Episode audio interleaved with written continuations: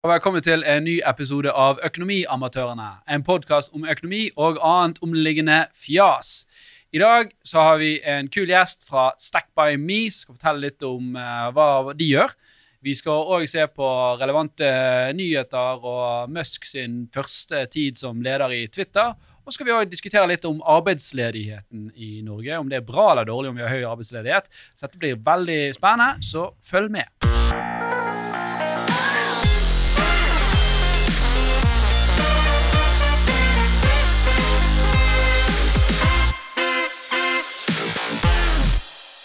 Hei og velkommen tilbake. Eh, denne podkasten er jo sponset av eh, Horde-appen, som du selvfølgelig må laste ned.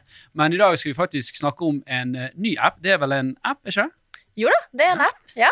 For vi har besøk her av Madeleine fra Stack by Me, som prøver å merge dette med sosiale medier og investeringer, hvis jeg forstår det riktig.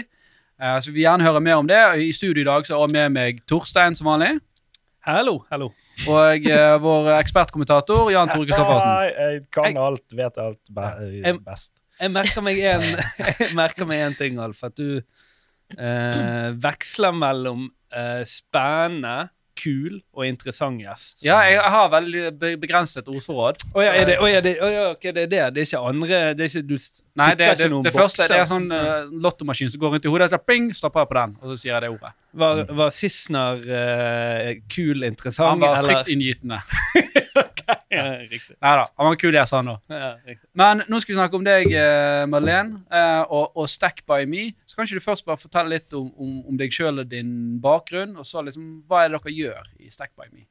ja, så det henger jo veldig tett sammen med min bakgrunn, egentlig. For jeg var jo åtte år i Pareto-gruppen.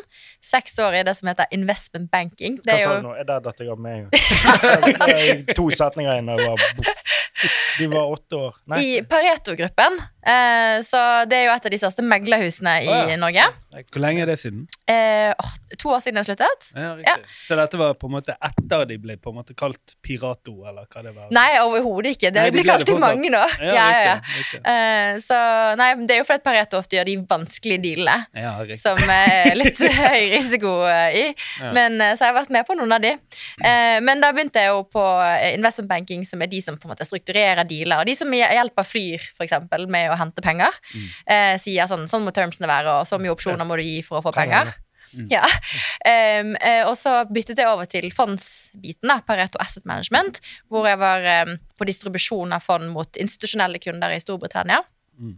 Og det var egentlig det byttet, da.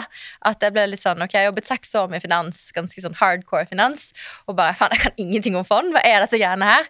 Eh, og så begynte du å lese, og alle bøkene, og på en måte eh, Fikk med meg at time in the market beats timing in the market. Jeg bare, oh, dette her er jo ganske Utdypte. smart.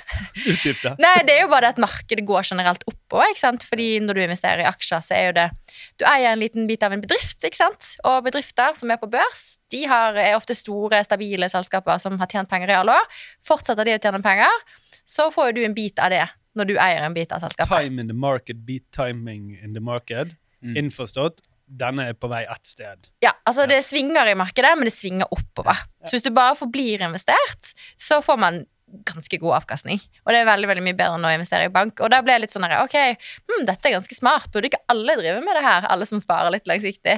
Mm. Så sjekket jeg litt med venninnegjengen min, da. Eh, hvor eh, liksom høyt utdannede økonomer, gode jobber, eier leilighet og i parforhold og god økonomi. Ingen som hadde noen strategi. Det var sånn der, å ja, jeg har noe fond fra konfirmasjonstiden. Jeg bare, oi, shit, det her er jo et De kjempemarkedspotensial. er sikkert, de er sikkert veldig høyt nå. Da har de hatt det lenge. Ja. gammel Ja, Ja. ja. Så, nei da, men så Backfired.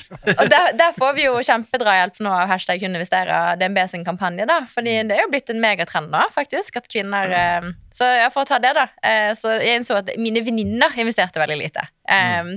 men, eh, og når du graver dypere i det, så er det ikke på en måte bare kvinner som ikke investerer. Det er også masse menn som ikke investerer. Eh, så vi fant ut Har dere noen tall på liksom hvor mange prosent av menn investerer, hvor mange prosent av kvinner, og hva er det gapet? Ja, så det er eh, rundt 55% av menn som investerer, og 40% av kvinner. I fond eller aksjer? Eh, I begge deler. Generelt. Ja. Eh, så det er jo fortsatt er 45% av menn som gjør ingenting, eh, og 60% av kvinner gjør ingenting. Jeg syns det var veldig overraskende høye tall. Ja, I Sverige er det 80% som investerer. Ok, Så gjennom pensjon, eller gjennom eller? Ja, i Sverige er det litt sånn juksetall, for det, Ok. der bestemmer du jo pensjonen din selv. Og det telles Ja. som å investere. Men dette investerer eller sparer? For det er jo òg to forskjellige Investere. Da er det jo liksom i risikoaktive, altså aksjefond, da. Eller rentefond. Altså. Over 50% av eh, norske menn tar et aktivt valg om å opprette en konto hvor de kan investere i fond eller aksjer. Ja. Wow. 80 Nei, nei, altså 55 av menn Ja, gjør det. Så, men det er jo, alle burde jo egentlig gjøre det. Altså sånn, eh, alle gjør det jo gjennom pensjonen sin, men man skal jo kjøpe ganske mye greier før man pensjonerer seg. Eh, men når man logger inn i dag på de plattformene som er, eh, så opplever veldig mange sånn «Åh, åh, avmakt av at det er så mye valg. Eh, det er mye tall, mye blinkende lys. Det er jo De fleste plattformer skal liksom catere til alt fra tradere til nybegynnere, og liksom gjerne både menn og kvinner i alle aldre. Og når du skal treffe alle, så treffer du ingen. Eh, så det vi prøver å lage en litt mer spisset app, da. Mm. Så vi i første omgang så targeter vi jo eh, eh, nybegynnere, hvorav det er mange kvinner. Siden vi er to damer, så blir det litt sånn feminine touch. Så vi ser at 80% av brukerne våre er kvinner. Ok, Er det markedsføring, eller uh, har dere andre farger som blinker? Eller? altså, vi har en rosa stripe på toppen av appen. ja. Og litt rosa branding. Og så er det jo meg og min co-founder Kristine, Ja. uh, som er kvinner. Og bare det at du er en jente som prater om noe, gjør ofte at publikum som er like Ja. oss, eh, bare blir mer oppmerksomme. ja, og måten man på en måte snakker på, da. Jeg vil snakke til en viss gruppe, altså. Ja. Mm. Men er det en del av strategien? Å gå til kvinner spesielt? Eller er det et- bare det som har skjedd by accident? Altså Det blir litt sånn som gründer, så lager man jo ofte det produktet man selv skulle ønske seg. da Yeah. Så i og med at vi er to damer i 30-årene, så blir det jo fort eh, Det passer i hvert fall veldig godt for damer i 30-årene. Og så ser vi jo at eh, på tallene våre så at vi har jo en ganske stor spredning i alder, men det er en konsentrasjon da rundt kvinner 25 til 35. Men du sier lager de produktene Unnskyld at jeg tok, men jeg er det veldig, Ja, veldig eh, At du liksom lager de produktene du selv ønsker. Hva ikke du sa? Ja. Hvilke produkter dere tilbyr på denne plattformen i dag? Ja, Så vi har jo da laget en app hvor du kan gå inn og så kan du følge vennene dine og se hva de investerer i. Og det handler jo litt om det der å ta valg. Eh, når vi pratet med de som hadde begynt å investere, så var i 99% av tilfellene svaret at de hadde spurt en venn. Når jeg spurte hvordan de kom i gang, da. Mm. Så du kan se uendelig med YouTube-filmer, og det er masse materiale der ute. Men det blir så mye at man blir sånn åh, jeg vet ikke hvor jeg skal begynne. Så du vil det- bare spørre en venn. Så dette er, liksom, dette er prepping og et community rundt det å investere, ikke en investeringsplattform i seg selv. Jo da. Så Ja. samme sted som du kan følge venner, så kan du gå inn på profilen der, så ser du å, hun investerer i dette eh, globale indeksfondet. Trykker du på knappen, så kan du kjøpe det i samme klikk. Det er kjempegenialt. For Ja. at du, du vet jo gjerne eh, hvilke venner av deg som du, du, du bare sånn «Ah, han, han eller hun kjenner jeg. Oi, han gjør det veldig bra. Se på hva bil vedkommende kjører. Han har jo Rolex. Han- Han må vi følge. Jeg følger han. Jeg Ikke følger dette, han. ikke dette Sharewill. Ja, eller, eh, eller Reddit, for den saks skyld òg, da. Altså, du, det, jeg ser jo noen sånne her Uh, eh, Det er åpenbart noen fordeler med det, men du, du, du kan jo òg ende opp med at no, noen fyller feil ledesau, da, og så går alle utfor stupet. Sant? Eller at man eh, så, Hvordan liksom håndterer man Det er jo sånn vennene dine blir exposed, gjerne. Eh, og bare 'Å ja, det, alt det flashy var bare en fasade'. Jeg har fulgt den. Dette gikk kjempedårlig. Nei, men altså, ta Vi kombinerer jo dette her med at vi har en feed, da. Så vi har jo laget Ja. appen så lik Instagram som mulig. Fordi det er på en måte et grensesnitt som brukerne kjenner. Og vi vet at det liksom er viktig for kundene inn i appen ofte. Og det å scrolle på grammen, det Mm. er liksom Det er jo vitenskapelig bevist at det er avhengighetsskapende. Scrolle på grammen? Ja. TikTok. eh, er, Så hos oss kan du scrolle på Grammen, og der har vi jo masse nyheter. Og vi har også, vi har også Instagram-konto og TikTok hvor vi hele tiden kommuniserer eh, at tid i markedet, jevnlig investering, langsiktig investering, ikke trading, da. Så jeg tror forskjellen fra oss og Sheryl er jo at communityet vi bygger, er litt annerledes. Fordi på Sheryl er det mye trading og daytrading og Vi er allerede inne på en måte. Men Ja, er litt mer sånn langsiktige fondsplasseringer, da. Hvis, jeg- Ja, langsiktige aksjer. Vi skal ha inn aksjer, det skal være litt moro. men, men hva, Eh, hva, er ja. liksom forretningsmodellen til Stack by Me her, da? Vi skal ha akkurat samme forretningsmodell som Nordnett. Kurtasje på ETF-er, altså børshandlete fond, eh, og aksjer. Og vi tenker også å få inn NFT-er. Altså sånn eh, digital, eh, digitale eierbevis for kunst. Eh, Ok, Men- Men må ikke dere da ha et ganske stort apparat for å liksom verifisere at disse kundene vet hva de gjør. Og så, altså, Ja, altså Det er jo det som er fint ikke sant, med at vi har også e-learning i appen. da, Så vi har jo et Academy hvor du kan se filen vår osv. Så, videre. så vi gjør jo en hensiktsmessighetstest før folk kjøper. Okay. Og hvis de svarer at de kan absolutt ingenting, så sier vi anbefaler deg å ta dette kurset. Inni appen. Eh, nå ble dette en sånn reklame. Det er Nei, gøy men det er Det er at, du, at, at en av Altså det der med at du må Kan du noe om dette? OK. Ja, du, da, altså, du må gjennom en sånn test, og det husker jeg på, Ja. på Nordnett og på, på forskjellige plattformer. Så er det jo sånn. Du strøk det. fire ganger, du. Nei, nei, men at, at det at, altså at For å kjøpe en aksje, så må du, må du gjennom Det er jo for å kjøpe litt forskjellige derivater. Ja, og- men det er så mye annet i livet du ikke trenger noe test Ja, altså Det er strengere å kjøpe du aksjer enn å gamble. Ja. Det er mer tester for å få lov til å Ja, ja. kjøpe aksjer enn å gamble. Jeg synes jo det er litt sånn overstrengt. Ja, Men det er jo Nå er det jo et monopol på gambling i Norge, egentlig. Uh, det. sant, så de mener jo sikkert at Norsk Tipping har så god kontroll. Men uh, ja, det, det, det er ofte, ofte skal, når du tar de testene, så kan du få det at vi anbefaler deg ikke å gjøre det, men vi kan ikke dekke deg å gjøre det. Men er vi er på, er vi er ikke på aksjer nå? Nå er vi på sertifikater og Ja, derivater. det gjelder aksjer òg. Altså, vi, vi, eh, om, om det gjelder nå, for så vidt, så, så må du nok ha en form for enhetstest fordi du eksponerer deg i aksjer. da. Du må faktisk ikke. Det er unntak for fond på hensiktsmessighetstest, okay. men de anbefaler det, så vi har det. Ja. Eh, men du kan gjøre det hvis du opplyser kunden om at aksjelovens beskyttelse ikke gjelder for deg. Mm.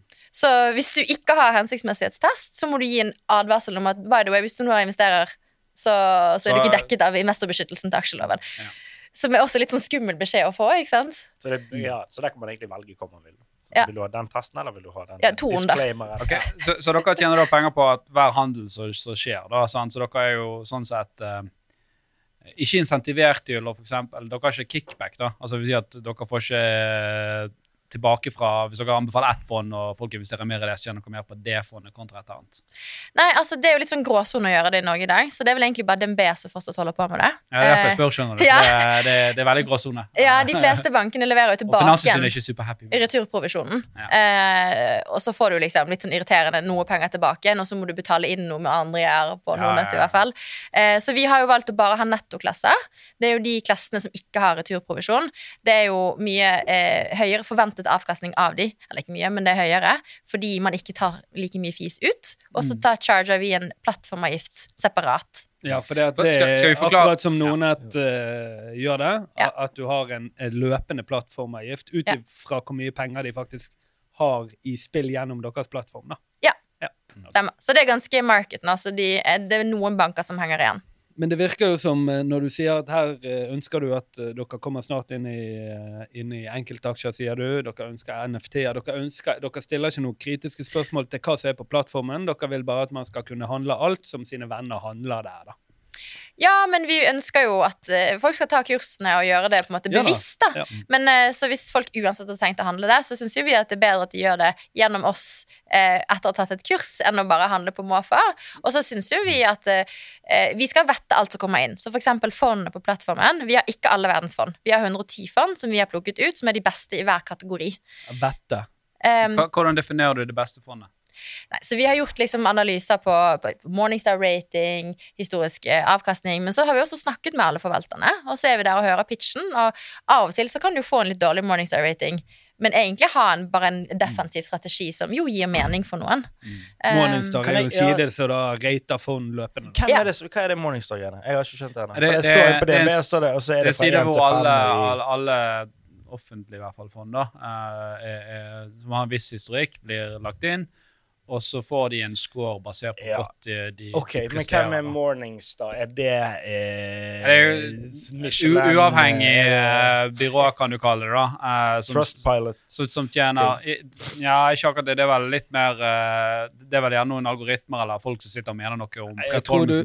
Jeg tror du ser på risikojustert avkastning, hvor de kaller risiko for Ja, og så måler det- de med, mot andre fond i samme kategori. Og så klart, dette presterer jo veldig bra nå i forhold til andre kategorien, så det gir vi flere stjerner. Dette presterer dårlig. sant? Ja. Men, men der også er det jo litt sånn eh, Det som gjerne Morningstar ikke tar opp, er jo at det kan jo være at han forvalteren som har gjort det veldig bra, han slutter. Så får ikke Ja. det, forsvinner ikke stjernen nødvendigvis derfor, sant? for det er det samme fondet. Mm. Så, men det, det er et veldig godt verktøy til å liksom, se om det er noen her over tid som har klart å gjøre noe bra, og mest sannsynlig da har de et team da, som, som, som gjør det bra. Eh, Ja. Sorry, det eh, Ja, det, det, det er veldig, veldig spennende. Men det var et spørsmål jeg hadde som jeg faktisk var usikker på selv. Vettet. Vette. Altså, det vil si, altså, man ventilerer, eller man siler, eller Nei, så jeg har på en måte gått gjennom og gjort et, et arbeid da, på å se at alle fondene vi har, er, er gode fond. Så er er god gammeldags analyse, da. Og det er vette. Altså, analyse er vette. Man Ja, bruker analyse vettet sitt for å godkjenne, til eller for å Ja, jeg ok. vet ikke. men men det, det er deres beslutning da, om det er godt eller dårlig form basert på de kriteriene dere setter. Ja. Mm. Eh, Jeg må, jeg, må, jeg, må, jeg må pirke litt etter med, med NFT-er, for det er jo veldig spennende. Det er litt sånn utradisjonelt valg eh, for en investeringsplattform å, å ta inn. Altså, Hva var det som gjorde at liksom, Oi, NFT-er og sånn altså Non-fungible tokens det er jo et, en kryptosak, eller en blokkjedesak, som er et sånn digitalt bevis på at du eier noe. Mm. Det kan være kunst, disse apebildene som folk har hørt om, eller uh, andre ting. Vi, vi ser jo noen som jobber med å lage NFT-er av eiendomsskjøter eller aksjer, eller hva det måtte være. Så hva var det, Er det liksom alle NFT-er, eller er det kunst-NFT-er? Og hvorfor NFT-er? Ja, nei, så Det handler jo om at vi skal jo få inn småsparere. Folk som, eller ikke nødvendigvis småsparere, men folk som ikke investerer aktivt i dag. Eh, og ehm, eh, når du skal begynne med et sparetrekk på 500 kroner i måneden, så er jo den avkastningen du får på de 500 kronene på kort sikt såpass liten at du motiveres ikke av det alene. Det må være noe liksom, ja, kult, noe vennene dine gjør, eller noe annet gøy. noe som Kan, jeg- kan jeg bare legge til en Ja. ting der, for dette var en ting som vi oppdaget med mange som begynte å spare. Altså, dette var ingeniører, smarte folk da, som ikke hadde spart før, men så kom til oss og satte vi opp spareavtale for dem. Og så begynte de å spare i januar, så la oss si det gikk tolv måneder, og så hadde markedet gått 20% og så satt de der Jeg har jo bare 7% avkastning, dette var kjempedårlig. Sånn.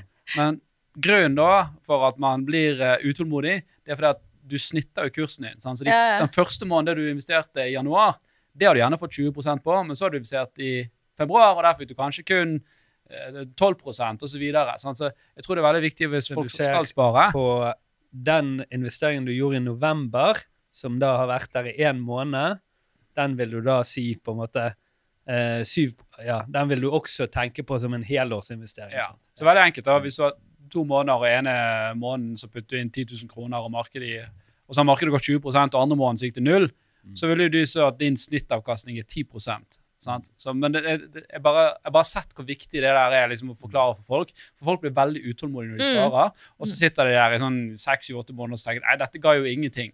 Ja. Men det er jo pga. at du snitter kursen din hele veien. Ja. Men når du har gjort det et par år, så vil du se sånn at oi, nå, nå utgjør liksom den nye sparingen mindre og mindre, og da ser du mer vekst. Ja, ja det monner skikkelig å spare på lang sikt. Det gjør det. Altså, hvis man googler sånn compound interest calculator, kan man taste inn eh, tallene sine, og det blir jo helt vanvittige summer ikke sant? når du begynner å snakke om 10-15-30 år. Eh, så det er jo viktig å begynne tidlig også. Så det var derfor også vi følte at vi måtte lage en litt ung, kul plattform.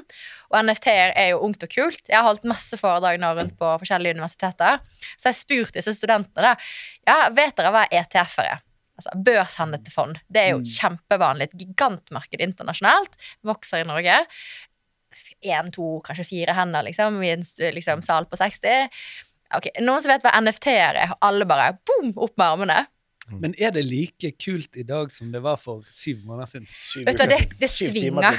Ja, altså, men, men det er jo fordi det er på OpenSea, på en måte, de, der du kan trade NFT og sånn. Ja. jo, altså, de har falt altså, Hva var det, da? 99,4 Handelsvolumet hadde falt. Ja. Ja. Han, så det, Det, det var litt cherrypicking av tallene, da, men det har Jo jo da, vært en men- dramat, ja. Ja. men om det er 99 eller om det er 80 altså, Det er jo en, en ganske insane uh, fall i forhold til den hypen det var. Ja, absolutt. Men det er, sånn, det er sånn som med aksjer, der sånn hyper kommer og går. Ja. Uh, men jeg, jeg tror veldig på teknologien, da. Mm. Uh, og at det er veldig kult det at man kan da, med kunst. Eh, nå er jo dere fra Bergen også, så der vet du at det er et sinnssykt marked på Finn for liksom dolkbilder. Tenk om han kunne fått en cut for hver gang det ble solgt på Finn. da. Det kan du gjøre med NFT-er, og det kan jo gjøre at det er mye mer at det eh, levelig, holdt på å si viable, men på en måte, man kan leve av det å være kunstner uten å på en måte være en stor kunstner som selger ting for millioner. Jeg, jeg, eh, jeg, bare, jeg jeg er enig, og, og det som er interessant der, da, det er jo det at Det der har jo vært tanken. at La oss si at du er dolk. Du har et bilde som selges for 100 000 kroner. Og hver gang det selges, så får du en prosent, så du får en mer sånn royalty tilbake til kunstneren. Veldig sånn fin ting, sant? at man har en løpende inntekt som kunstner. Men det som har skjedd nå, er jo at det finnes jo plattformer hvor du da selger dette bildet for én krone, og så gjør du transaksjonen i en annen eh, utenfor den smartkontrakten. Slik at du, du Altså, Ja. det er litt sånn, ja. dette Defi-systemet, da. Det, det fucka seg sjøl litt. For det var laget sånn at her skal alle sånn, og så skal du kunne selge, og så skal kunstneren få betalt. Men så lager jo nye andre folk en annen plattform der de sier at her blir dere enige om en pris, så selger dere det for én krone, og så gjør man en, en transaksjon utenfor den originale smartkontrakten, slik at kunstneren ikke får Slippe- betalt. Nå er det jo Og, sånn og, at og, og det, det har jo ikke vært fordi, at, det er jo ikke mer fordi at de tar én krone, eh, eller 1% da. Det er fordi at disse fisene er jo gjerne 8-10 på disse plattformene. Sant? Så jeg tror, det at, jeg tror det for så vidt er bra, for det vil jo drive prisene ned. At de, for hvis, det hvis det er 2 så gidder du kanskje ikke å ta det styret. Men hvis det er snakk om 10% på, på 100 000, så er du kanskje litt mer insentivert til å finne, prøve å finne vei rundt det.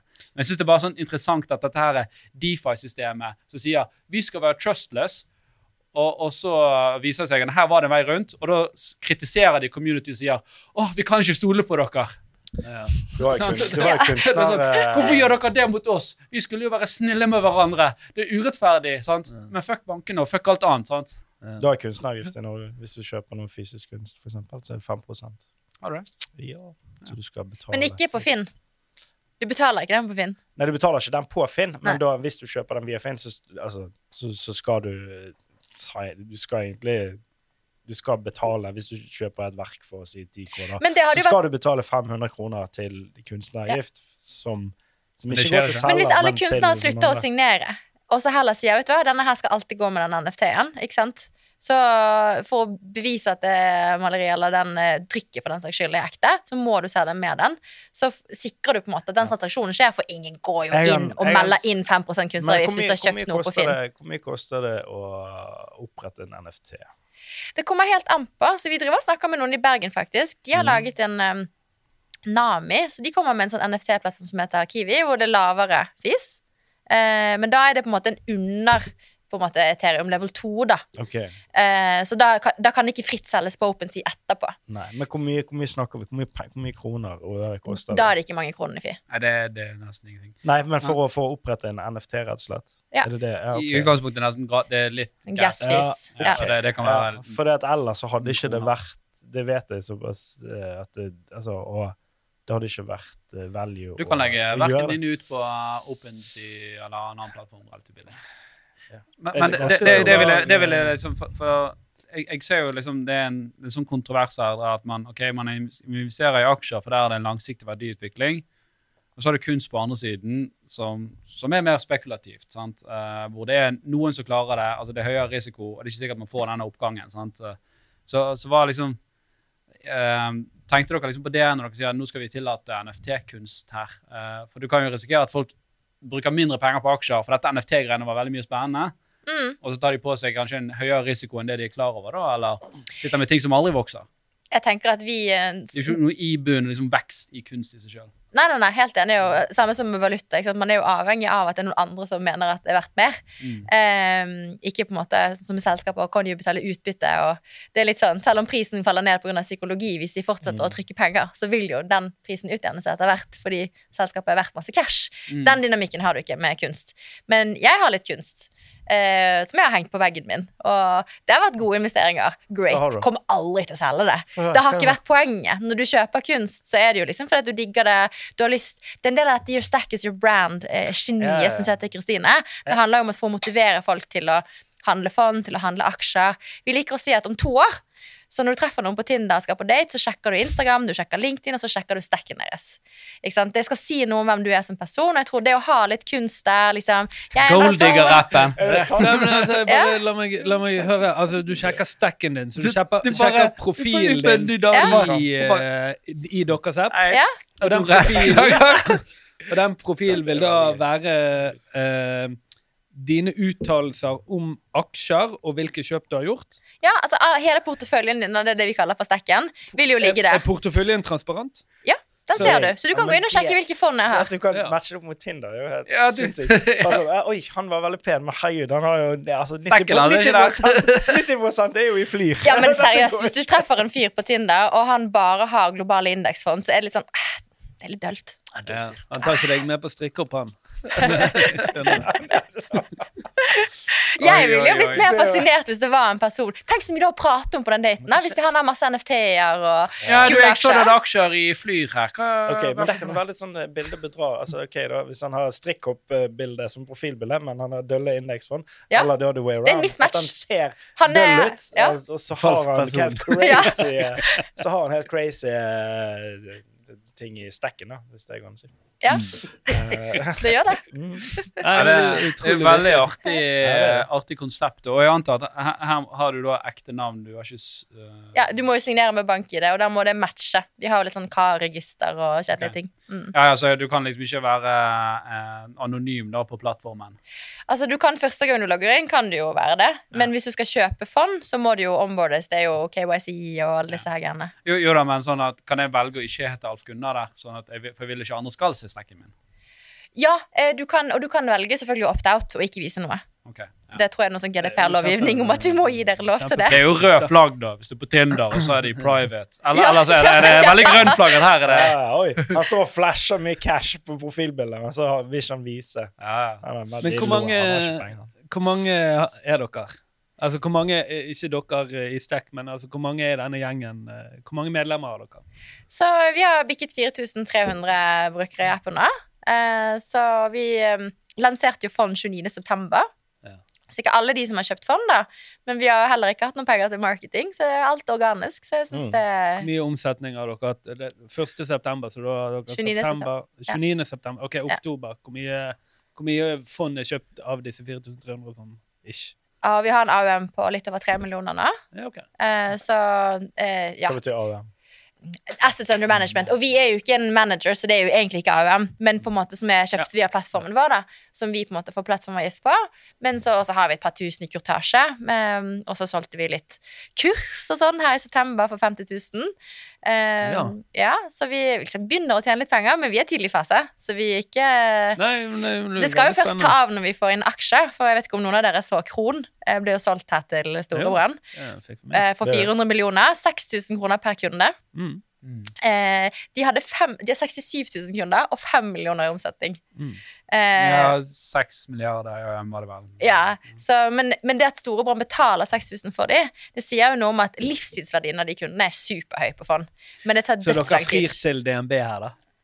Ja, ja, ja. Min drøm er jo å gå på tror- børs, da. Men ja. ja du, Storebrand har jo kjøpt flere, de kjøpte jo denne Dreams-appen, uh, som òg de betalte en overkurs per bruker, om du spør meg. Og så var jo, må du huske at dette var jo gjerne før markedet var litt sånn som nå, da, men jeg vet at Storebrand og de bankene der, de når de kjøper, gjør sånne kjøp, så er ikke de nødvendigvis en finansiell investor heller. Sant? De ser Nei, nei. at her er det noe, noe som vi kan inkorporere, og, og selv om den verdien som de bruker nå er kanskje ikke verdt 6000 kroner, men hvis vi kan liksom få dette ut til våre ytterligere vet jeg faen, 300 000 eh, kunder, så begynner det liksom å få bein å gå på. Men ikke det også så man sånn kjøper sånn teknologien og plattformen her òg, da. Men kjøper ikke de òg gjerne sånne selskaper fordi at eh, hvis de ser at her er det noen form for trussel, og så kan de bare kjøpe det opp og ligge ned? Sånn at hei, nå er ikke vi jo, det, bare det, for det, det, det er jo en strategi, da, men jeg, jeg vet sånn, ikke ja, eh, jo, jo da. Sånn at eh, sånn som Ford som kjøpte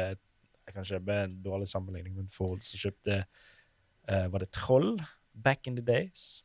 Som Og var Sparebank1 som kjøpte Monna. Det tok jo Ja, bare så ett år, men så før de la det ned. bare ned, så nå er Ja. det ferdig. Men da har vi i hvert fall uh, fri uh, Ja, men jeg, jeg, tror, jeg tror når det gjelder uh, Sparebanken og, og så, De fleste er nok ute og gjør liksom en deal som ganger de da. Eh, du skal være ganske irriterende eh, for å eh, liksom bli kjøpt opp bare for å legge det ned. da. Ja. Eh, og, og, og 6 milliarder så de hadde under AUM, høres veldig mye ut, men det, det er ikke veldig mye penger i forhold til så mye penger som som er investert. Uh, på sammenlignet så er vel eh, hva vi har i boligformue i Norge eh, og et halvt, nesten 4000 milliarder. Altså latterlig store summer. sant? Det er jo helt vanvittig, og hvis du tenker på at regjeringen nå faktisk har gjort det sånn at det nå blir enda mer attraktivt å investere i eiendom i forhold til aksjer, eh, så er det jo bare De ønsker jo på en måte at folk skal bare investere i eiendom, som jeg syns er så rart. Og, og det, det kan vi liksom forklare litt Ja, hva det de nye um, ja, du, du får, før, De innførte jo en rabatt her for at du hadde aksjer, slik at du får la- lavere formuesskatt eh, Mm. på de. Den er jo nå tatt vekk. Og så er det jo òg eh, sånn at de har økt utbytte- eller gevinstbeskatningen her. Men hvis du bor i din egen bolig, så kan jo du selge den skattefritt. Mm. Så det er en, eh, det er, det er jo bare bål på et boligmarked som allerede eh, Og så er jo skatten på gevinst på eiendom 22 Dyr på bålet. Eller sånt, er det ikke? Hæ? Eh, Ja, det kan godt være at det ikke regnes som en uh, finansiell inntekt, og da bare har 22 er det du tenker? ja. På, At det ikke har uh, Det er i hvert fall litt på krypto. Ja, og det er- renter, som jeg også det er- synes er helt altså, sykt. Det er Det, sånn det er så latterlig at det er til Man blir helt sånn okay.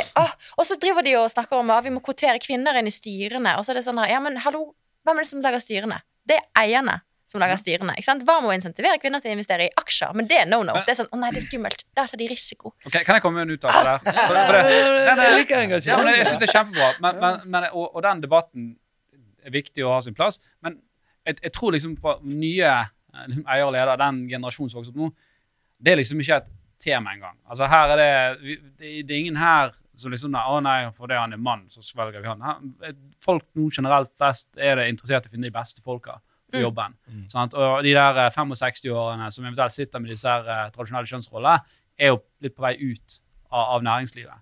Og det, så det tror jeg er positivt. da. Sant? Så jeg er jo sånn at det der å kvotere inn Jeg kan skjønne at i enkelte tilfeller blir det nødvendig, men det er mye bedre at uh, vi passer på at vi skaper det engasjementet som dere gjør med, og får folk Mm. engasjert, slik at de er villige til å konkurrere Mm, om de plassene. Det er jo det aller beste. mm. Man må liksom føle seg hjemme, da. Ja. Og det er noe med at når det, når det er så overvekt da, av, menn, så føler man kanskje ikke at man Og passer og helt det inn i det støtter jeg. Den, den opplæringen, da, den opplæringen det, Ja. det støtter jeg. Sånn at man Ja. får flere kvinner involvert i det, av egen fri maskin og vilje. De ønsker å være involvert. da. Det jeg ønsker å høre litt om, det er denne kursingen og betalingen av den. da. Ja. For det er jo ting som av og til, eh, i hvert fall eh, jeg, jeg er på TikTok av og til, man ser veldig mye rart. da. Så hva er det dere gjør? Hva er det dere lærer folk opp i? Hva er kostnaden? Kan jeg, Ja. kan jeg bare spisse spørsmålet? For det spør, uh, Torstein spør om her, er at uh, disse kursene Mm. Tjener dere penger på å selge løftet om du blir rik? Det det, det, er det han vil fram til. Er det det? Jeg ville først høre det. Eh, nei, det gjør vi ikke. Og i og med at vi er tilknyttet agent, så kan vi jo heller ikke si det, for da ville vi jo risikert konsesjonen deres. All investering innebærer risiko, men det er noe med å forklare eh, på en måte våre potensielle kunder hva risiko er, da. Og det er jo bare svingninger som generelt svinger oppover over tid, i hvert fall historisk. Og så er jo selvfølgelig historikken ingen garanti for fremtidig avkastning, bla, bla, bla, bla, bla. Men liksom, la oss være ærlige. Men nå er du i fond, da, ikke i enkeltaksjer. Ja, men er enkeltaksjer, Hvis du har en diversifisert portefølje, da. Hvis du har Aksjer Norge anbefaler åtte til ti aksjer. Mm. Eh, den marginale diversifiseringseffekten etter ti aksjer er ganske liten. Så hvis du bare har en portefølje med ti aksjer, så er det jo ja, det- Det kommer det er jo an tre på faktorer her. Ja, diversifiseringsfaktoren. ja, ja da, det, det er sant. For du, hvis du kun inviterer ett selskap, så har du selskapsrisiko. Ja. Sant? Investerer du i flere, sant? så kan du fortsette Du blir kvitt selskapsrisiko, men du kan ha bransjerisiko hvis alle er flyselskaper, f.eks. Ja. Og så er det, er det den generelle markedsrisikoen. Sant? Så det Ja. er de tre risikofaktorene du prøver liksom å kvitte det med. da. Ja. Men med diversifisering så mener jeg jo da å kjøpe ti forskjellige aksjer i forskjellige bransjer, helst forskjellige land også. Eh, På forskjellige Men egg, det forskjellige kurver, da. Det betyr liksom kjøp de som selger iskrem, og de som selger eh, husker om. paraplyer. Husker jeg, jeg husker du breaket det ned for meg på et barnehagenivå. Og jeg var fortsatt sånn Hva mener du? jeg, blir- jeg liker å bruke Norwegian og Zoom som eksempler. da Sånn under pandemien. Ja, Kjekt å ja. eie både Zoom og Norwegian, og ikke bare Norwegian. Ja, Mm. det var veldig bra. Det Men Zoom, da, altså som uh, Slo jo seg sammen. Jeg. Ikke det Ikke det Microsoft? Eh, nei, jeg tror Zoom faktisk er en egen aksje. Ja. Ja, ja, det er sant. Ja nei, men eh, ja, det er veldig enkelt eh, eksempel å forstå.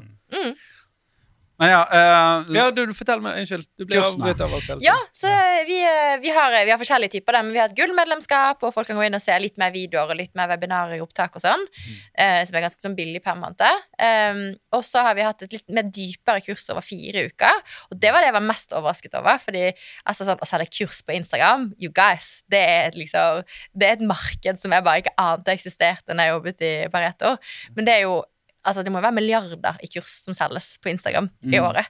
Eh, og folk er villige til å betale ganske mye for det.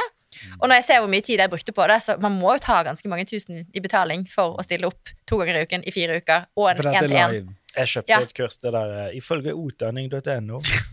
det må du ikke. Det var, du, det var dumt. Det var dumt kurs. Eh, han, Ja. eh, han Jeg føler meg litt lurt på det. Det, det, det, det, er veksler sånn- kvalitet, det er det vel. men Det det, det ja, men det, er ikke, det har ingenting med kvalitet å gjøre. Det er jo bare at hva som er obvious scam versus hva som faktisk har eh, Andrew Tate har snakket om. Han Ja, men- selger jo ja, det er jo, sant? Det er han det er tjente penger på. scams. Men, men dette er jo et eh, legit uh, kurs, da. Og, og det, det er jo det Samme som hun sa, det der ja. kunstkurset sitt som, som Ja, jeg var ikke i den podden, men uh, jeg vet at vi hadde en, uh, hadde en dame som selger kunstkurs. her. Så, så, så, så det er sånn at det er jo legit kurs der, men det er klart at det, dette er jo det gjengangen med alle markedene. Noen ser at oi, her er noe å tjene penger på, så sitter jo kriminelle da, i gåseøyne og, og liksom vurderer hvor mye innsats må jeg legge ned, og hvor mye penger må jeg, kan jeg tjene.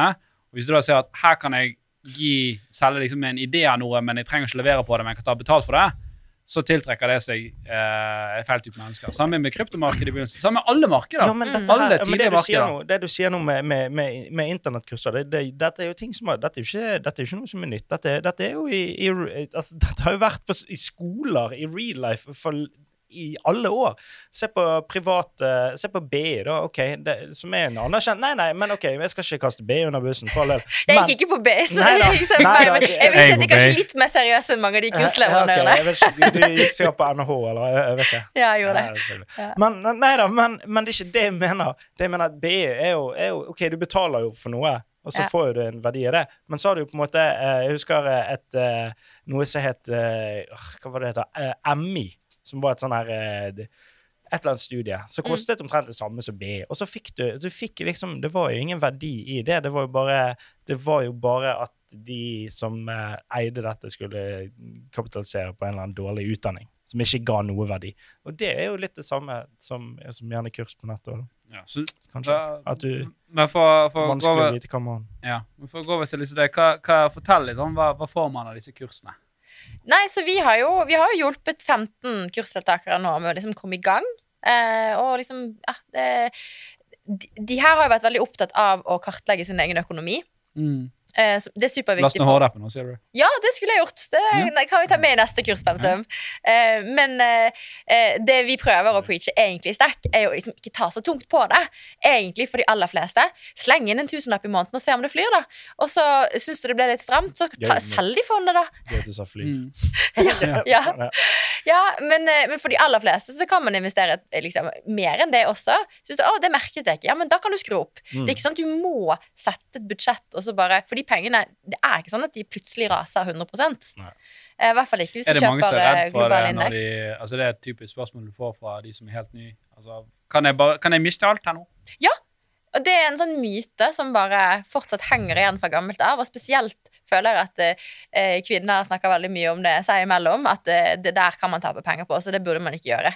Og det er sånn ah, Ja, du kan tappe penger på det, men altså, hvis du kjøper en genser, så er det Ja. penger garantert slengt ut av vinduet. Ja. Det er Eh, rart det der med å være økonomisk Ja, det har jo en bruksverdi, da. du har jo Ja, genser, ja, men, men veldig mange av de genserne ligger i skuffen. Ja, Det er masse sånn å være økonomisk på eh, feile områder, da. Ja. Som jeg, jeg føler meg truffet. Altså, jeg kan stå og, og, og, og gjerne jeg jeg går inn i en butikk og så bare «Ja, den buksen var litt dyr, og så er det 400 kroner. Bare, Hæ, er du helt insane? Står og prøver. Ja, den var litt dyr. Jeg kjøper ikke den til 500. Men så går det liksom, og så er det fredag, og så er det ja, får jeg åtte Flaming Sambucas. Det- så Bare kom an, og taxi hjem. Og, altså, bare sånn ja, økonomisk på så feil om. Men så står 2500 minner priceless. Kul, ja, det er det som avgjør. Det er den hundrelappen som avgjør. En privatøkonomi for dette.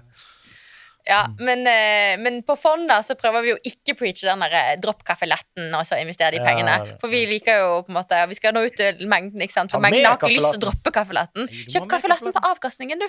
Bare begynn tidlig. Invester tidlig. Og så kan du kjøpe kaffelette på avkastningen. Eller nedbetaling. Måle. Eller ned, selvfølgelig. Det, men det, vil jeg også det er en av de tingene vi snakker om på kurs. Hvis du har forbruksgjeld, betal ned den først, for guds skyld. Og hvis du har boliglån som du sliter med å betale avdragene på, betal ned på boliglånet. Men hvis du ikke sliter med å betale ned avdragene på boliglånet, så har jeg også lyst til å presisere at Og dette får man veldig mye engasjement på på TikTok, men det lønner seg ikke å betale ned på boliglånet hvis ikke du sliter med det. For det fins veldig mye bedre avkastning enn 3 eh, å få der ute hvis du er langsiktig. Og det er faktisk også en ting vi har snakket med de på kurset. Det er sånn Ja, jeg har eh, akkurat fått en utbetaling på en million fra forsikringen fordi jeg er blitt ufør. Altså, du, du, har ikke, du kan ikke jobbe mer. Du får ikke lån igjen i banken. Skal jeg bruke det til å betale ned lånet mitt i banken? Sånn. Tenker cruise. Ja, ja. Ja, det- det- det- Nei, men er sånn er den fleksibiliteten av å ha en million Ja. Den fleksibiliteten av å ha en million, du kan betale renter og avdrag i så mange år, også investere, også faktisk kanskje ha råd til alternativ behandling.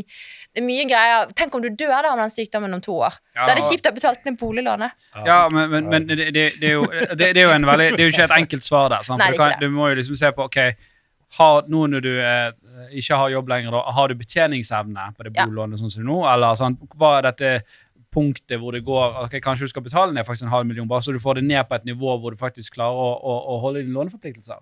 Sånn, Så det, det er jo det, det er ganske Du skal ganske ha litt sånn innsikt i folks økonomi da, eh, på det. Og det er klart at jeg har støtter jo definitivt dette. Og dette var litt sånn som vi kom inn i podden, skjønner du. For at, Ja. eh, jeg, jeg, jeg, postet, jeg postet en post på Hordesiden der jeg sa det at uh, nå når renten stiger, sant, og det er høyere liksom, usikkerhet i aksjemarkedet, den avkastningen, den, den differansen du har nå fra liksom, lånte penger til det som du forventer i avkastning, den er mindre.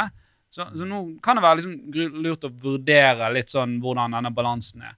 Ikke at man ikke skal investere mer, men klart at Del av, del Ja. av det totale hvis regnestykket. boliglånsrenten går fra 1,5% til 4,5% og du kan forvente 7% i avkastning i aksjemarkedet, sant, så har du liksom en differanse som gikk fra 5,5 til nå 2,5% sant? Og så som du sier, så handler det selvfølgelig om eh, kostnad, altså månedlig kostnad versus månedlig inntekt. ja, og da må du kjenne liksom Nei, sånn det der er jeg litt uenig i, Ja, egentlig. Okay. Fordi har du en million, så har du jo betjeningsevne. Du Nei, kan betale snakker- ned renter og avdrag på den millionen jo, jo, jo, da, men, men, Ja. men, men uh, helt ærlig, hvis, den, hvis du setter det i aksjemarkedet, det faller 50 som det kan gjøre Ja, ja, sant? Under finanskrisen falt jo Oslo Børs over 60% sant? Ja, men Sant. det kommer jo opp igjen også etter tre år, da. Så liksom, Jo da, men, men igjen, da. Hvis du da er i et scenario hvor renten blir høyere, og det skjer sant? Altså, det, Jeg sier ikke det ene eller eh, andre er galt her, men, men man må kunne ha et nyansert liksom, bilde eh, på dette. her, og, og hver og en må gjøre liksom, den vurderingen uh, sjøl. Og jeg mener, jo, Selvfølgelig er jo det fortsatt en differanse for det du har betaler i rente, og det du får i avkastning, som gjør at det lønner seg generelt sett å investere. Men nå når avkastningen du får der imellom, er lavere, Mm. så, så skal du liksom vurdere ok, vil jeg ta den volatiliteten underveis her, de svingningene, den risikoen, for å få den avkastningen? Tåler jeg det? Sant? Og Det er en liksom vurdering som, som man må gjøre egentlig på en case by case. da. absolutt. Altså, alle må vurdere case by case, da. Mm. Sånn at det Mitt poeng bare er bare at det er så mange som tenker at det eneste måten å leve på, er at man matcher månedlige utgifter med månedlige kostnader.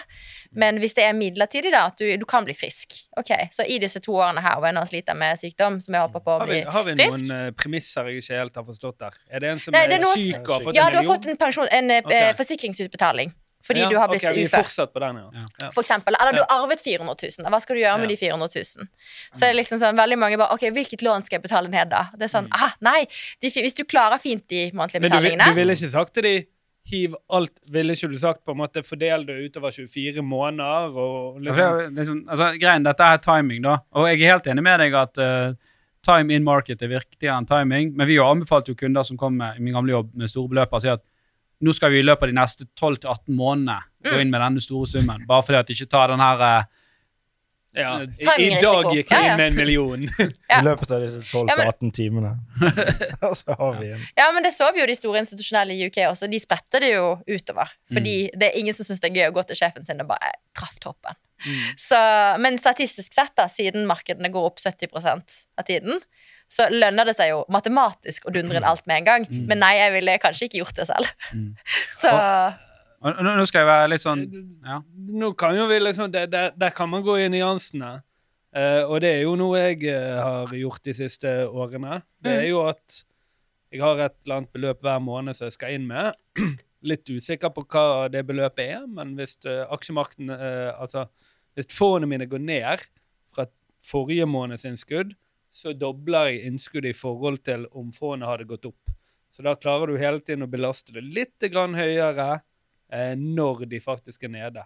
Og det, det, det, det er på ingen måte en enkel måte å slå ting på, men det er i hvert fall en enkel måte å laste litt høyere opp på, eh, akkurat i disse små bølgedalene. da. Det var, Eller det var jo et kjempegodt tips. Eller i en situasjon hvor markedet går veldig mye ned på tre-fire måneder, så vil du òg belaste deg hardere i den perioden. Sant? Ja, ja, det investerer mer når markedene er ned, det er jo gull. Ja, men jeg, jeg vil jo tro at det på en måte å, å gjøre det med en million vil være i noen tilfeller, i usikre markeder som, som er markedet nå, Mm. så vil det være lurere enn å bare peise det inn. Man ville kanskje sagt passer 100 000 i måneden i løpet av de neste ti månedene. da. Ja, eh, det kan man si. Eh, Så jeg så veldig mange som brukte tre måneder da, i den forrige jobben min. Ja, Men Men Ja. jeg, vil jo, jeg vil jo utfordre litt på den. Ja, ja, klart eh, at eh, det å ikke dundre en million nå er pga. usikre tider. Det er ikke noe mer usikkert nå enn det var for et år siden.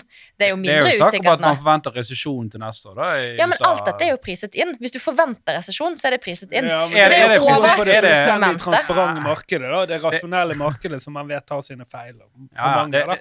Du kan ikke si det i boligmarkedet, for du vet at eh, for to måneder siden så visste man at ting skulle ned, eh, og forrige måned så gikk det ned. sant? Mm. Så det, det, det er ikke fullstendig eh, 100% transparent og rasjonelt, selv om det er det man tar utgangspunkt i når man egentlig skal kalkulere ting. da.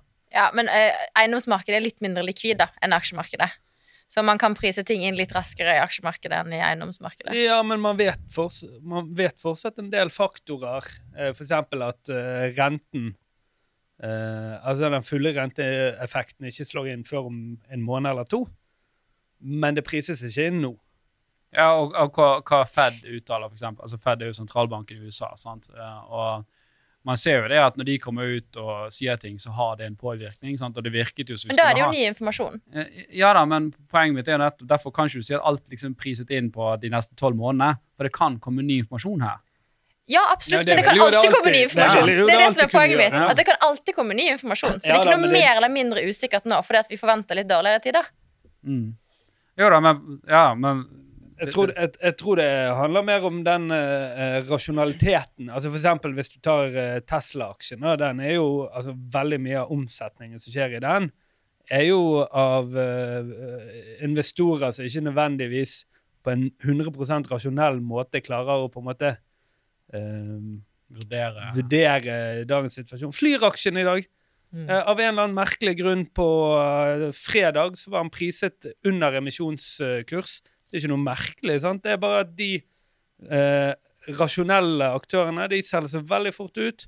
Så hvorfor skal noen inngå i en emisjon som er dyrere enn dagens kurs? Når det ikke er noen betingelser til emisjon.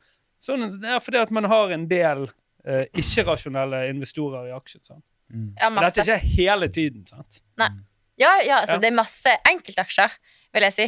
Men Ja. i sum da, så er liksom det helheten av markedet ganske liksom rasjonell. Det meste er priset inn.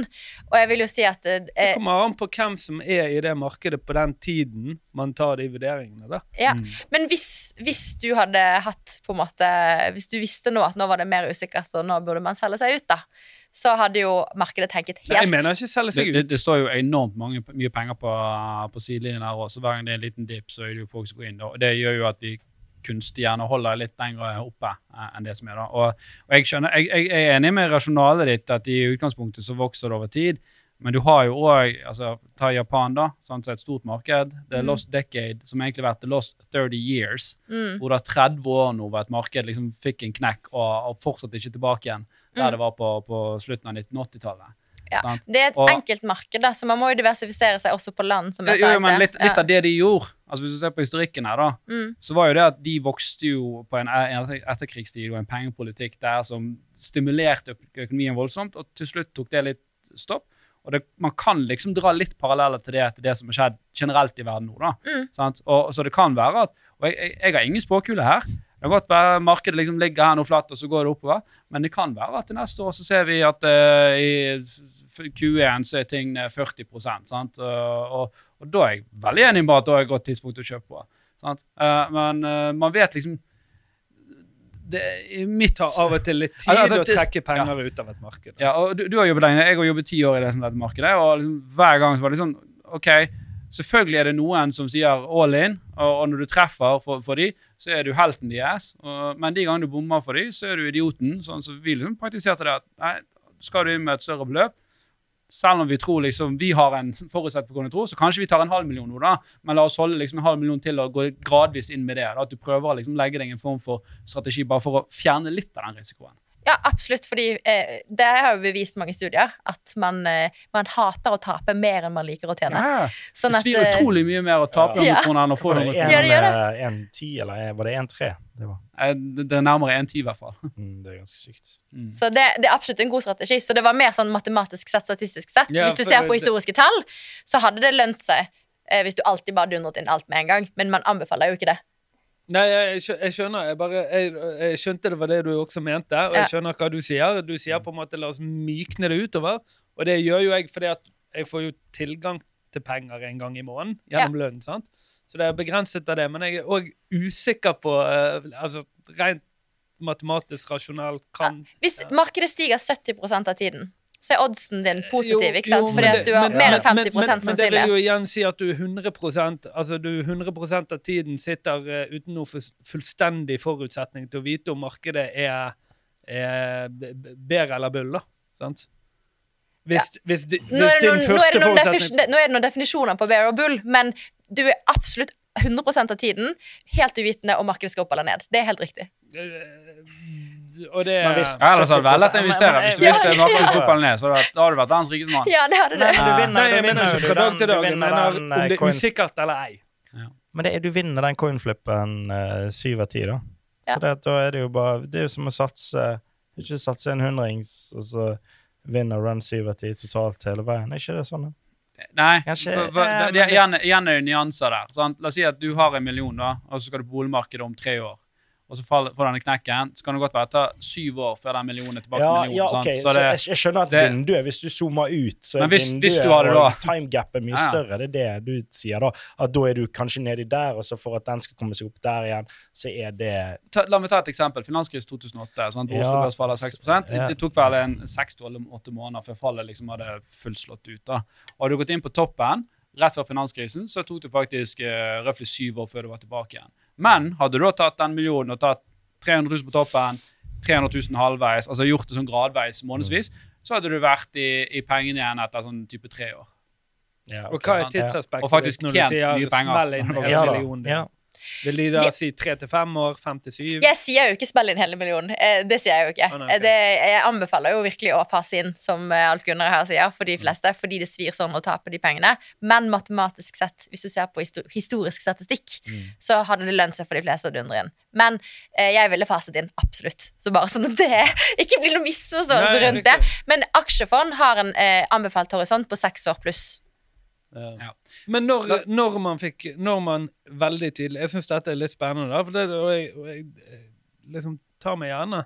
Uh, men når man veldig tidlig i 2008 fikk vite at nå sprekker ting sant? Uh, Og det husker jeg til og med min far sa til meg, så tok jo det et halvår før ting var virkelig gått til helvete. Når man fikk vite at ting begynte å sprekke i oljekrisen, så tok det to-tre måneder før ting hadde gått til helvete. Så det er jo, det er jo ikke sånn at det er ikke sånn at man våkner en dag og Oi, der var ting med ned 60% og så sitter folk Ja. og sier det kommer til å gå dårlig. altså, det, det, du- du går jo inn i en periode hvor folk sånn OK, nå begynner dette å smake dårlig. Nå begynner sentimentet å bli dårlig. Nå må jeg trekke meg ut. Sant? Mm. Og det tar tid. Eller at du får den snøballeffekten. Noen Ja. gjør det, og så bare ba, ba, ba, ba bam, bam. Ja. Ja. Så det er ikke- det være er litt uenig i at det er på en måte sånn- eh, at man er fullstendig blank i hvordan ting kan bevege seg fremover. Nå har jo man eh, lenge hatt når, når, når krigen eh, brøt ut, så tror jeg det var veldig mange, og det var veldig mange som sa at nå går vi inn i en litt sånn usikker eh, periode her. Hva skjedde? Ja, det har falt, sant?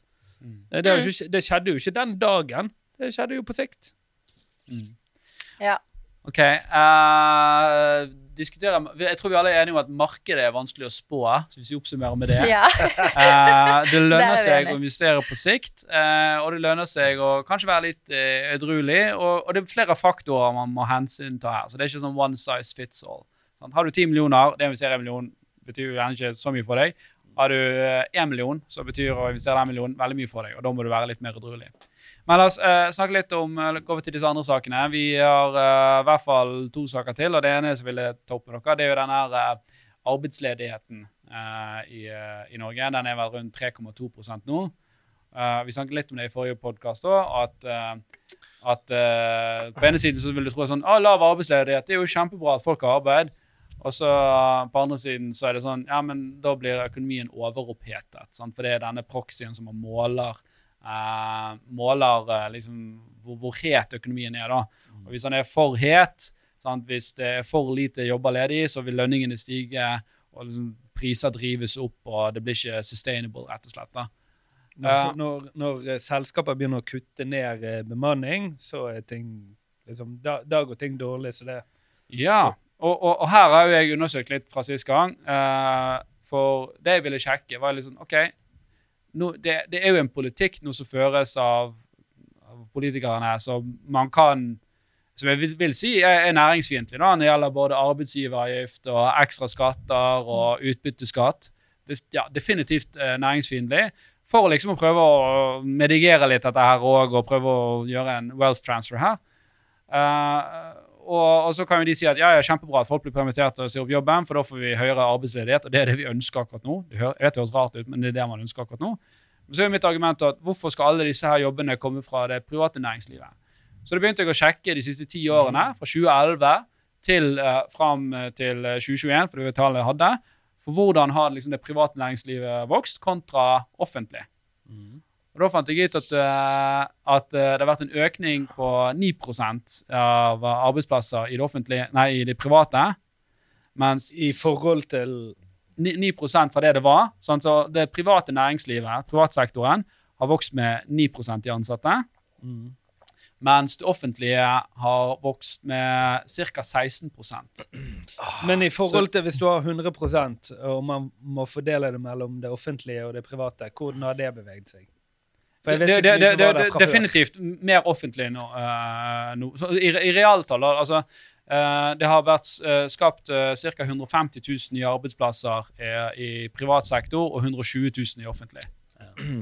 Og og det- alle, alle er vel enige om at du må ha mindre offentlig enn en, en, privat. Jan Tore?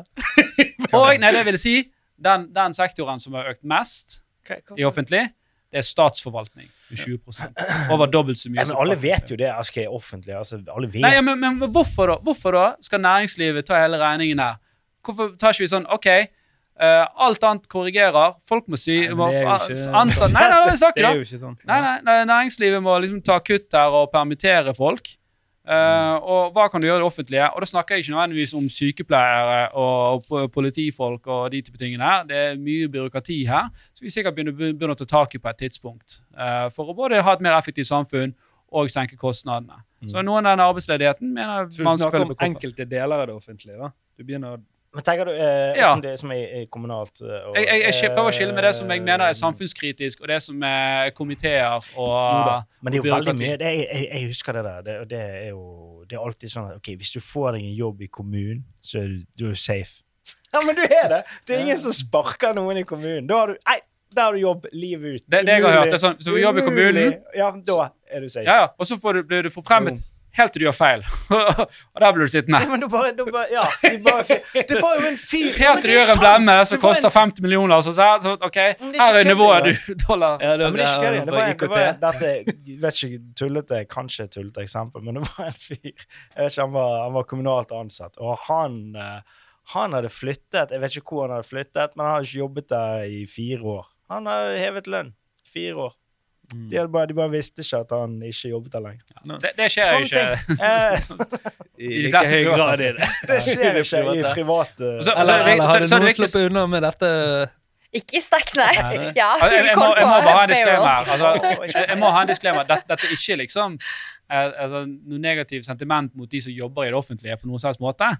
Det er mer sånn her at eh, hvis denne korreksjonen skal komme Jeg, jeg vet, men jeg, jeg, jeg, er er- uenig. Jeg, jeg hører jo på Dagsnytt 18, så jeg har jo hørt uh, veldig mye om hvordan de må, må kutte i Bare for å ta her i Bergen, da.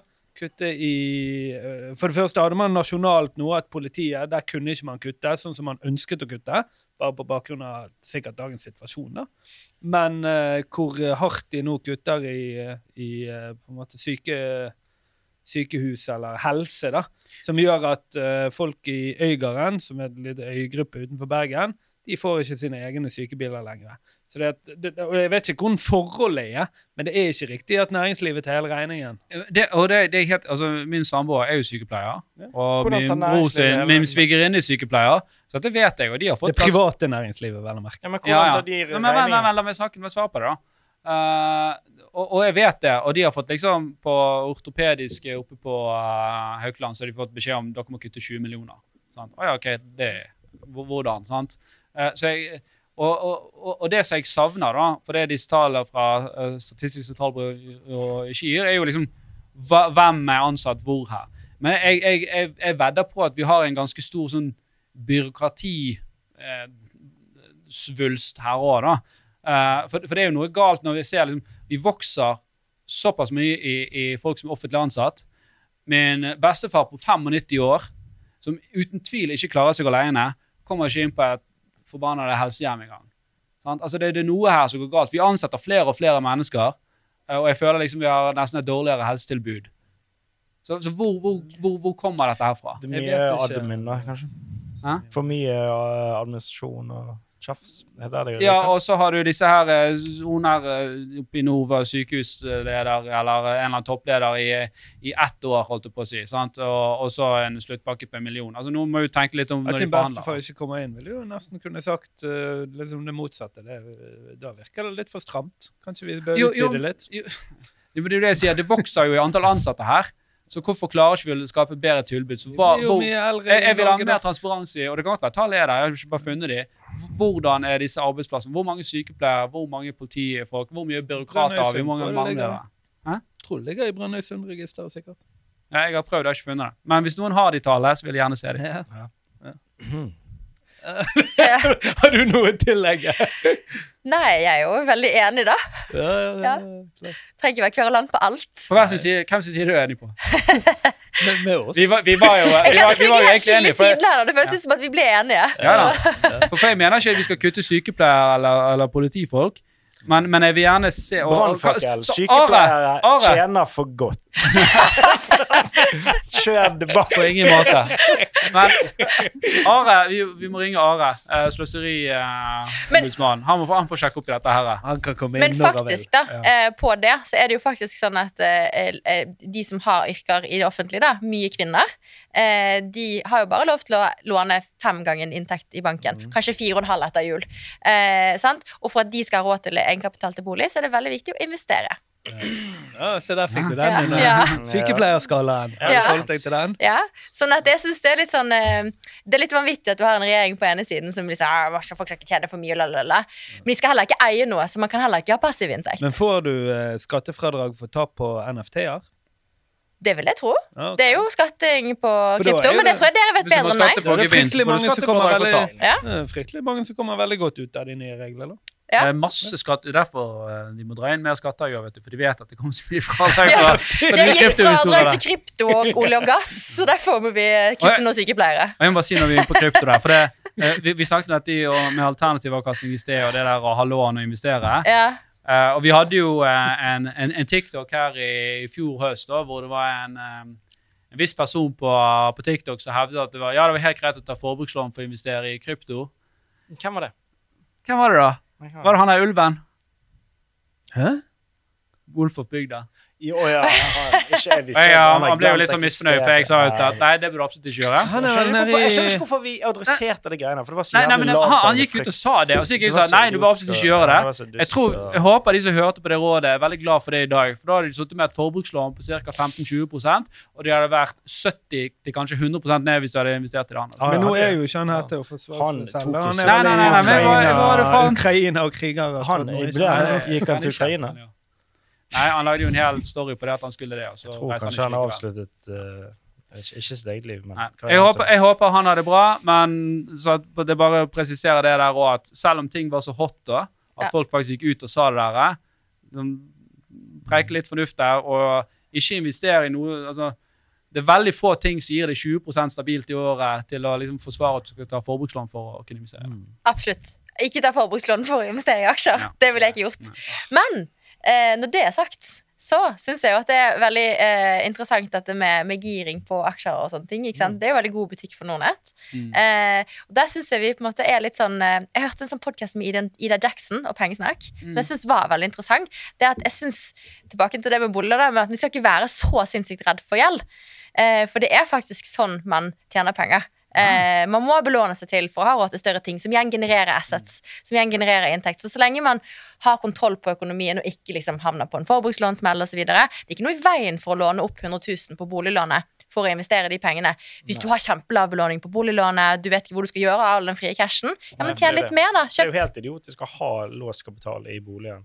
Ja, Altså sånn Egentlig når renten har vært så lav som Ja, den er nå. det, det- Ja, det så lenge du ikke sliter med avdrag og rente. Hvis du kan ta de og vite at du Ja. har Ja, Gjeld ikke skummelt. Jeg, jeg tror det er et viktig poeng. At peng, Penger har jo vært gratis i nesten ti år. Ja. Sant? Eh, og, og fortsatt kan du si at det er, er, er billig. Sant? Og, og, og, og hvis du da har som sagt lav eh, gjeld i boligen din, og, og kostnaden din er 3% så, eh, eh, og du kan investere og få 7-8 Selvfølgelig er, er, er det bra. Og for, for gjelden lav, da, så har du fleksibiliteten til å tåle de svingningene. Mm. Men- samtidig som, det der, samtidig som du gjerne får altså det der med at boligen din er automatisk giret. sant? Ja, ja, det det, det, det, alle, alle girer jo i Norge. Ja, men da har du selv om du internasjonalt i hele verden. Ingen som har råd til å kjøpe hus cash. Nei, nei, men samtidig som du tar Hvis du tar ut den kapitalen av boligen din, så vil du fortsatt få verdistigningen din på boligen din. Ja, hvis det er en verdistigning der. Så det, da har du den giret, på en måte, fordi du har det der, og så samtidig så tar den kapital og får en bedre avkastning på den et annet sted. Mm. Ja, Det er jo den belåningen på bolig som gjør at nordmenn tjener så sinnssykt mye på bolig. Så Mm. det er ikke farlig å ta 20-30 belåning på en, en global indeks eller en global bred portefølje med fond. Jeg tror det kommer til å være når vi ser mer av fremover. Og dette er sikkert du statistikk på. Jeg, jeg har sett den, jeg, men jeg har ikke den i hodet nå. For jeg mener det at ehm, hvis du ser på oppgang i boligpriser og oppgang i aksjemarkedet, så Ja. knuser aksjemarkedet boligmarkedet. Men grunnen til at du tjener mer, er fordi at du har denne belåningen. Ja. Sant? Men, men ok, et sånt siste spørsmål. Kanskje kjempedumt spørsmål. Uh, men hvis alle gjør dette her Altså hvis alle tar, gjør dette her, alle tjener Det går bra med alle. Altså alle. Han får den oppgangen, han får den oppgangen, han er Alle. Altså, hvis du tar GameStop du beskriver. Boom. Nei, men hvis alle, alle gjør dette. For det, alle gjør jo ikke dette nå. Men hvis alle gjør dette, og får disse oppgangene Nei, men det er jo det Hvordan vil det, påvirke, hvordan vil det påvirke? Det er jo det som har skjedd. Det er jo det som har skjedd Ja, jeg skulle til å si Det er jo tilbake det at folk- er Ja, for- OK, fuck! Jeg har ikke fulgt Du har ikke vært med på det? Nei, du, festen har vært den. Du er jo på nachspielet, du. Nå, du må rydde, du. Jeg har ikke vært Nei, men hvis alle Nei, nei, men OK, hvis enda flere gjør det, da jeg bare, Kom an, få en ny boom nå, folkens! Nei, men det er klart at altså, fornuft, Fornuften må jo til overordningene. Sant? Når du ser at selskaper begynner å bli priset til 40 ganger eh, det de har i, i inntekt, eh, så må jo man begynne å stille seg spørsmål om dette i, er i selskaper, tenkte jeg. Tenkte generelt i, i boliger og i Ja, men det har vi gjort. Altså, folk, alltid, låner, folk låner jo opp allerede. Det er jo derfor Finanstilsynet har sagt at du får kun låne fem ganger inntekt. Det er vi stoler ikke på at dere klarer å håndtere Kun hadde noen gang hadde vært, eh, hadde vært tidligere der det går an å låne mye mer enn det? Ja. Å, jeg har det. Så det er en, eh, det er en kaller det 20 ganger utenlandsforskriften. Og, og, og, og vet du hva, Finanstilsynet vil, vil helst at den skal senkes fra fem til fire og en halv. Ja, det har jeg hørt. Men hva, hva, har vært, hva har den vært maks på noen gang? Det har ikke vært meg. Det var opp til bankene å gjøre en uh, vurdering. Du skal ikke lenger tilbake igjen det til det jeg gikk ut fra nå. var det fortsatt folk som kjøpte 100% belåning på leiligheter? Ja, er 100 det, det er greit, men jeg, nå tenker jeg på antall ganger inntekt. Inntekt, ja. Så, Ja. Okay. Jeg tror ikke det var noe begrensning på det Det der. det, var, det var opp til bankene å gjøre fornuftig uh, vurdering. Du vet det, det der som skjedde i fungerer- 2008? eh, Hva sa du? Det som skjedde i 2008, det var mangel på utlånsforskrift. Ja. Og så er det, litt- det er litt forskjell òg. For i, i USA så har du et marked hvor du egentlig bare kan levere nøklene, og så er du fri der, mens her følger gjelden din. Altså det, det er strengere i- innkreverbeskyttelse i Norge òg. Sant, så da du personen og ikke huset. Ja, ja, og, og, og, det, og det, det førte til at det var sånn mismatch. da, At bankene kunne ta ganske høy risiko, og så var du uansett i saksa. Sant? Eh, og det gjorde at man gjerne trengte en eller annen form for, for, for regler, eh, regler. Men du, eh, vi hadde en siste sak òg, Ja. som du ville gå på. Ja. Og det er jo eh, alles uh, favorittentreprenør, holdt jeg på å si. ja, jeg snakker jo mest om uh, folk, krypto og folk som eller, altså, Det er fordi du er og, så og ja. sånne Det er fordi du er så, saker. du er så ung. Jeg Ung, er ung til sinns og og og rent fysisk. Men bare for å klargjøre den, da, så du vil da snakke litt om Elon Musk har kjøpt eh, Twitter. Han har nå er blitt eh, eh, gått inn som CEO i selskapet og gjort en rekke endringer. eh, Og, folk. Han har eh, gjort det på sin, eh, sin måte. Han kom inn bærende på en vask. Han hadde på et eller annet tidspunkt uh, tweetet noe sånn der Think on, think, think, think on this. Så det syns han var kjempevittig. Men det, da. jeg tror det var Først han, han har jo verdens største humor. Ja, ja for, uh, og det gjør han. Kommer inn bærende med den vasken. Det første han gjør den dagen, er å sparke tre stykker i toppledelsen. Uh, begynner å tvitre rundt om uh, hva, hvilke grep han skal ta i dette selskapet. Um, og selvfølgelig at han skal sparke 50, nei, 75 var det han skrev først. Eh, av de som da sitter i det selskapet. Jeg tror han har satt fra seg vasken på dette tidspunktet. da. Regner jeg med. Da, da tenker jeg sånn her, Den psykologiske tryggheten på den arbeidsplassen den, Ja, og så, sender, og så sender han ut en sånn veldig eh, rar Eller en, en mail om at hvis dere får en mail i morgen på uh, privatmail deres, uh, så har dere mistet jobben. Uh, får dere en på Twitter-mail deres, så har dere fortsatt jobb her. Og jeg har sett noen av de mailene som kom på disse private mailene. Det var en sånn Er det me meme? Det heter meme? Meme. Me- meme. Hvor gammel er du? Ja, ja. Meme, Uh, hvor det står uh, eh, 'Leave the nest', et smilefjes av Musk, og så står det 'You're fired'. Det er gøy. Ja, det er jo stilig. altså, Han leker jo bare. Det er jo, det, Eh, dette, i kombinasjon med mange av de twi- Twitter-meldingene han hadde, som var på en måte at nå skulle han åpne opp eh, for eh, liksom full frihet og, og, og disse tingene, har gjort at annonsørene nå de siste den siste uken, de siste fire-fem dagene, har begynt å flykte fra selskapet. altså dette er de som, de, som har, de som betaler Twitter for at Twitter skal re er reklamere for dem. De som står for 90% av Twitter sin inntekt, har nå begynt å flykte. Han sitter eh, på eh, et lån, eh, eller en belåning, for kjøpet sitt av dette selskapet, som gjør at han har over 1 milliard dollar i rene renter eh, hvert år. Eh, og nå begynner han å jeg skal ikke si krype til korset, men ta en litt mer kommersiell retning for å unngå at disse her uh, uh, annonsørene forsvinner. Da. Så det, det Det virker som kanskje han Hva legger du i at han tar en kommersiell retning? Ja, han prøver å gå og betrygge dem og si at eh, nei, dette skal ikke bli et fritt sted. Eh, vi, vi skal bare tenke litt annerledes. men Mens det- eh, grunnen til at han liksom bydde på det i starten, var liksom nå skulle han få vekk dette tyranniet som var denne liksom eh, innelåste venstrevendte eh, Ja, at Kanye og Trump ble cancelet. ja, Trump eh, skal jo inn igjen. Ja. Mm. Så det er i hvert fall det som har skjedd de siste dagene der. Ja, så har han, eh, han har jo òg annonsert at eh, alle kan få dette blå merket nå. Åtte, åtte Altså dollar. åtte- åtte 8 dollar i dollar i måneden. Ja. Ja, riktig. Så eh, det er jo en, det er jo en steep price for en sosial eh, medieside. Men du kan jo fortsatt ha en en konto der uten å ha det blå merket. Men, men det, det han vil her, da Nå er jo bare nå spekulerer jeg. Han, han vil jo få alle til å verifisere seg eh, her. Uh, en fordi at Da blir du kanskje kvitt noen av de nettrollene. For det, det, det er lettere å være stygg med folk hvis du gjemmer det bak et uh, falskt navn og et uh, bilde. Men det kan du gjøre uansett. Trenger ikke være verifisert. Jo da, men og da er det sånn at du blir, trafikken din tror jeg blir kraftig liksom, begrenset hvis ikke du har denne her eh, Nei, men trafikken din, det har ingenting å si. For at, uh, Twitter er avhengig av følgere. Du kommer ikke opp i du, Det er ikke sånn at du kommer opp jo, i en organisk feed selv om du har, uansett. ja, men du, selv om du har, om du har 3000 følgere, så er det ikke at alle de 3000 får opp den i feeden sin eh, nødvendigvis. Uh... Det er jo en algoritme på det. Men, men poenget mitt er i hvert fall at han har jo et, et play her om at Twitter skal bli det du har som i Kina, som er WhatsApp. da. Eh, si en app hvor du liksom kan gjøre bortimot alt. Han vil ha inn betalinger og krypto, og du kan kjøpe ting der. Alt vil han ha inn der. Så han vil ha liksom Det har det var kalt eh, Project X, eller App X. da, som skal være en sånn alt mulig rart da. Skal, sånn, skal, han gjøre det og innføre betalinger, så må jo han verifisere personene på plattformen òg. det er gøy. Hvis du får, sier du har posta eller du lager en meme og ser den ganske fet, så får du mye retweets på den, og så bare Ei, kan du betale med memen? Bare, tsk, nå er den verdt så mye. det hele virker jo veldig uorganisert. Forretningsidé. ta den, ta den. Den er ikke dum, den. Jeg bare kaster ut uh, Enormt gode ideer. billionideer. Ja, ja. Men det virker veldig uorganisert, og det er flere eh, nå som visstnok liksom er blitt gjenansatt fordi at eh, de hadde visst veldig viktige funksjoner, og det visste ikke de når de sparket. Altså, det er helt Og det du som pla- får den motoren til å gå, ja. Vi vi trengte det. Ja, Vi trengte disse hjulene her. Ja. Hva, hva er dine tanker? Er du på Twitter? Nei, jeg er faktisk ikke på Twitter. Altså, Stack by me må jo komme på Twitter nå, da. Nå så det er blitt rebrandet. Tweet by me.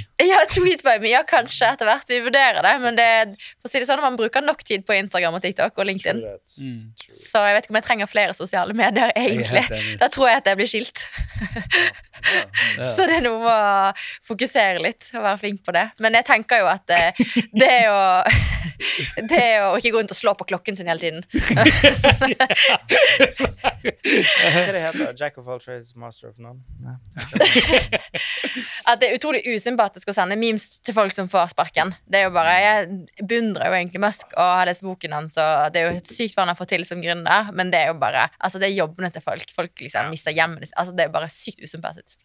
Ja, Det er min tanke. Det, det er jo, altså, I Norge så har vi et ekstremt uh, sterkt arbeidsvern. da. Uh, Mm. Så at det skal veldig mye til uh, før, før du, du kan gi noen sparken i hele tatt. Spesielt Ja. i kommunen. Uh, mens i, uh, i, i USA er det helt annerledes. Og, Ja. og så kan man diskutere om det er bra eller dårlig. sant, for vi, har, vi snakket jo med Kristoffer her fra uh, Lysverket, sant, som kjente litt den kulturen. Og der var det sånn, Det at du kan gi sparken til folk på dagen, betyr at folk plutselig går på dagen. Ja, det var, det var Mm. veldig kult å, Ja, og det var sånn at jeg kunne slå tilbake. Ja, det, Så det er jo litt sånn negativt, for da står du der plutselig sånn her Ei, faen, vi har ikke folk her i dag. For det- i går, han. de, de, Det er sluttet veldig gøy. Sjefen kjefter litt. Så det kan godt gjøre Så slår han hjul ut I døren. quit! Så redd jul. Men eh, sånn, så, det, er sirkusansatte som Ja, ja, ja. og som alle ting så ligger sikkert eh, liksom, det som er best, et sted i midten her. da. Uh, at uh, Det kan godt være at det er litt for Texas der, og, og kanskje det er litt for overkill her. sant, så, men ja. Det er godt mulig. Men uansett, uh, interessante refleksjoner. Vi får følge med Nøs- Musk og, og Twitter. Eh, han, jeg har hørt at han går også i hvert fall canceler alle som driver og parodierer han.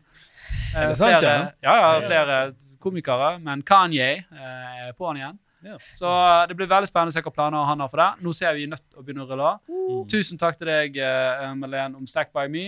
Eh, de finner dere på Instagram, antar jeg. Ja, ja, ja. Andre steder Og TikTok vil, og LinkedIn og Ja. Men ja, mest på Instagram. Ja, Kult. Ja, det var gøy. Og, Det var veldig gøy å høre. Ja. Ja. Neste Beklager, det ble en lang episode. Sånn går det når dere inviterer bergensere på besøk. ja, men du, Det er kjempespennende å høre på. sant? Det er veldig, veldig gøy å, Oi, å få med seg hva dere driver med.